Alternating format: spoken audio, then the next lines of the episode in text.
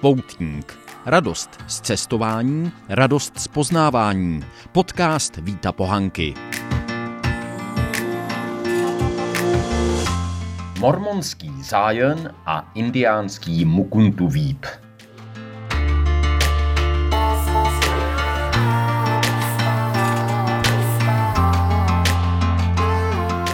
Začnu jedním stručným životním příběhem. Izák Behunin se narodil 20.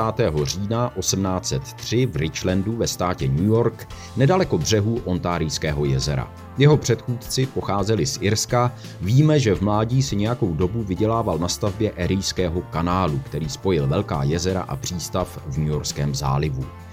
Když mu bylo 30, nechal se pokřtít a přestoupil do tehdy velmi mladé církve Ježíše Krista svatých posledních dnů, tedy se z něj stal mormon.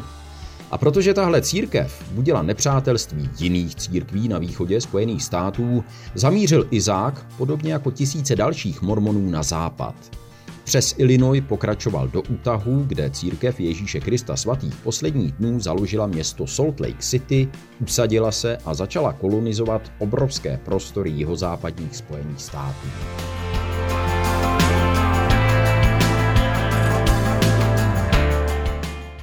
Izák Behunin už jako hlava početného klanu střídavě bojoval a navazoval kontakty s Indiány, až zakotvil v osadě Springdale ve stínu hory nazývané dnes West Temple, západní chrám.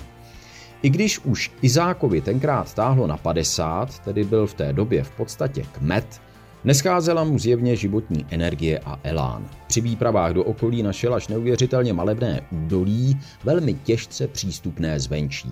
Spolu se syny tam v létě 1863 vybudoval srub, obdělal kus půdy a začal pěstovat tabák, cukrovou třtinu a ovoce.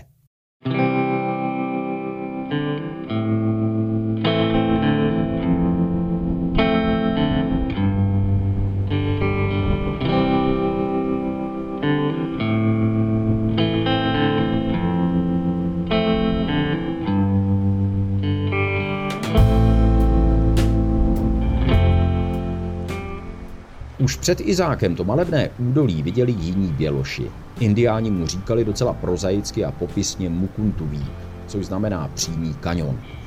Na hluboce věřícího mormona Izáka Behunina ale krajina působila natolik silně, že jí začal říkat Zion, podle starozákonního Sionu, tedy návrší v Jeruzalémě, kam král David přenesl na čas arku úmluvy. Termín Sion, anglicky Zion, se stal později metonymem, přeneseným názvem pro zemi zaslíbenou. A právě tak působilo tohle údolí evidentně nejenom na stárnoucího Izáka Behunina, ale také ostatní mormony v okolí.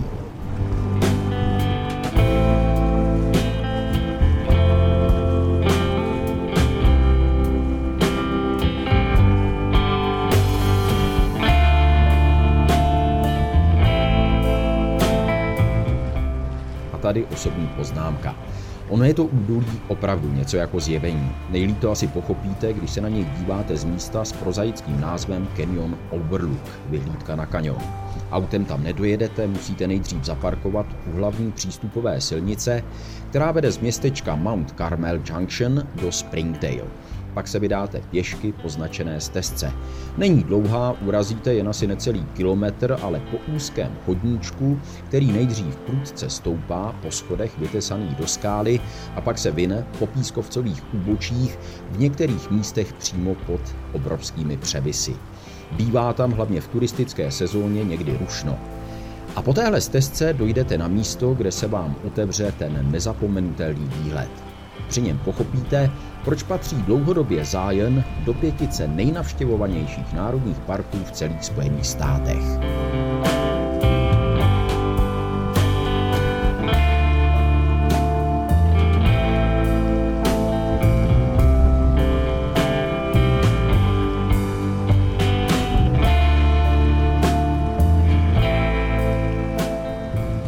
Řeka Virgin tam vyhloubila v hodnaté krajině za miliony let hluboké údolí, na jehož dně se zelená vegetace, po stranách se tyčí místy kolmé na červenalé pískovcové stěny. Rozdíly v nadmořské výšce jsou podobně dramatické jako ve Velkém kanionu, přes kilometr a půl. Na rozdíl od Velkého kanionu, ale Zion není vyprahlým nekonečným skalnatým labirintem. To jeho zelenající se dno lákalo už lovce mamutů a jiných prehistorických zvířat před 12 tisíci lety, aspoň o tom vypovídají archeologické nálezy. Později tam vzkvétala kultura národa Anasáziů, kteří pěstovali fazole, kukuřici, ovoce a dokonce bavlnu.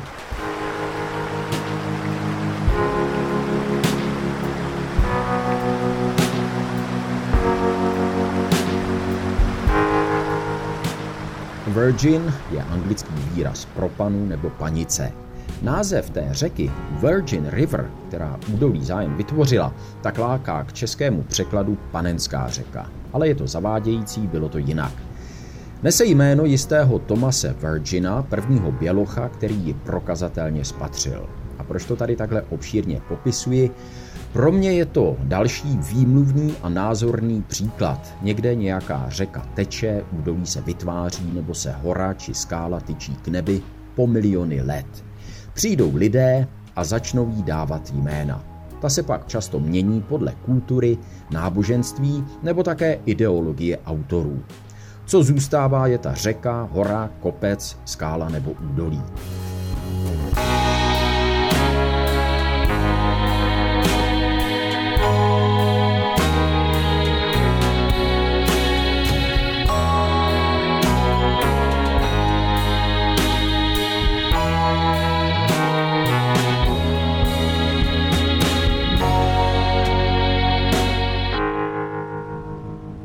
A když se na tyhle úchvatné přírodní úkazy díváte, těžko se ubránit pocitu vlastní nicotnosti, těžko se nezamyslet nad tím, jakou troufalou, ale současně lidsky asi pochopitelnou bláhovostí je prosazovat to či ono pojmenování.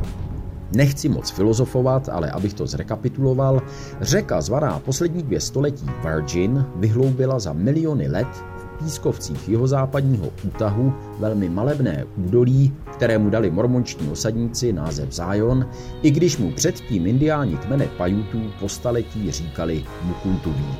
A několik let se tak jmenovala i národní památka, kterou tam oficiálně nejdřív vyhlásil prezident Howard Taft v roce 1909. Jenže když ji kongres oficiálně rozšířil a přeměnil na národní park, dal mu už to mormonské jméno Zion.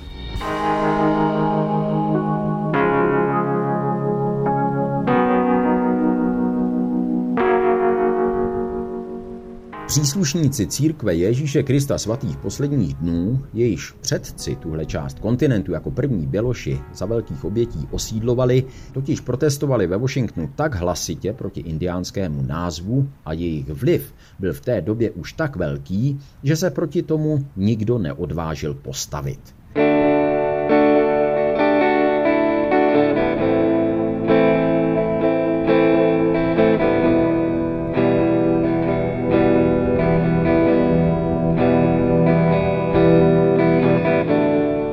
Jenže čas jde dál a my žijeme v jiné době.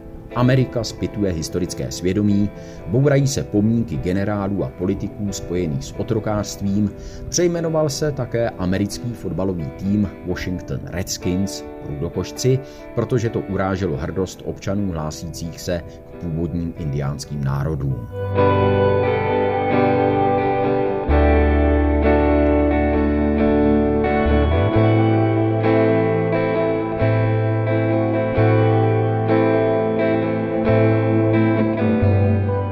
Možná tak Národní park Zion bude následovat příklad jiného parku na Aljašce, konkrétně Denali. Ten totiž, stejně jako nejvyšší hora severoamerického kontinentu, která se na jeho území nachází, nesl původně jméno prezidenta McKinleyho.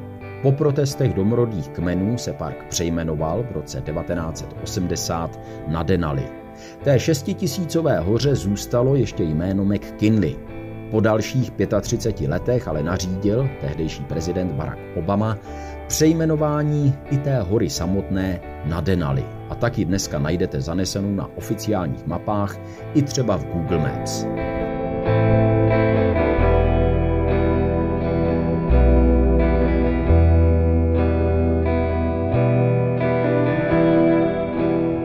Národní park Zion v Utahu zůstává zatím Zionem. Osobně bych ale nedal ruku do ohně za to, že se za nějakou dobu nebude zase jmenovat po indiánsku Mukuntuví. Bez ohledu na to bych nicméně za jednu věc ruku do ohně klidně dal. Až se zase bude, nebo dokud se bude možné svobodně pohybovat a cestovat, bude ta scenérie, kterou to místo nabízí, přitahovat a okouzlovat lidi z celého světa bez ohledu na víru a původ, bez ohledu na to, jak tomu místu budou říkat.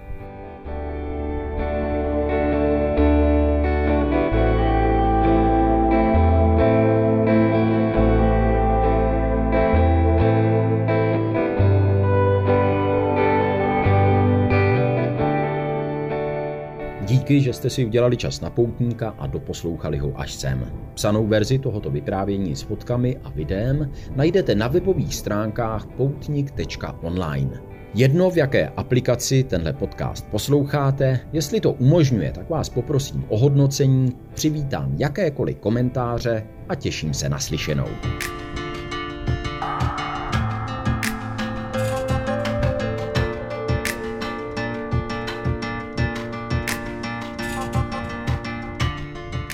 Poutník. Radost z cestování, radost z poznávání. Podcast Víta Pohanky.